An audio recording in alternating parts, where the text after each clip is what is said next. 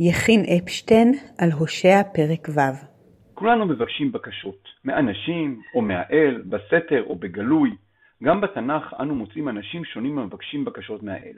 במדרש, בתלמוד הבבלי, תענית ד' עמוד א', מופיעה רשימה של אנשים שביקשו בקשות ראויות ושנענו בחיוב, וכאלו שאינם ראויות, ולא נענו.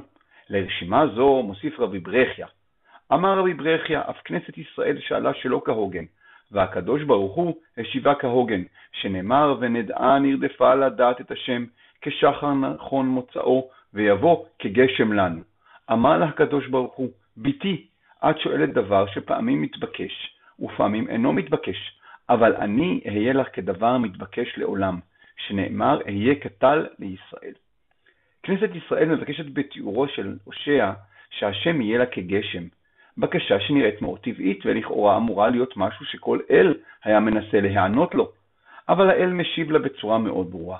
קשר בין אל עמו כדוגמת גשם אינו קשר ראוי, משום שלעיתים הוא טוב בחורף ולעיתים הוא רע בקיץ.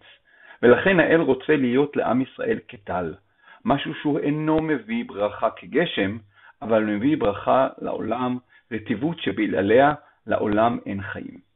הדו-שיח בין האל לעמו מחדד נקודה מאוד משמעותית בקשרים ההדדיים בין לאל לעמו ובכלל. העם רוצה את האל כגשם, אבל האל מבין שגשם זו מחויבות חלקית. בחורף כן, אבל בקיץ לא. ובדיוק כנגד סוג זה של קשר, הנביא מתנבא.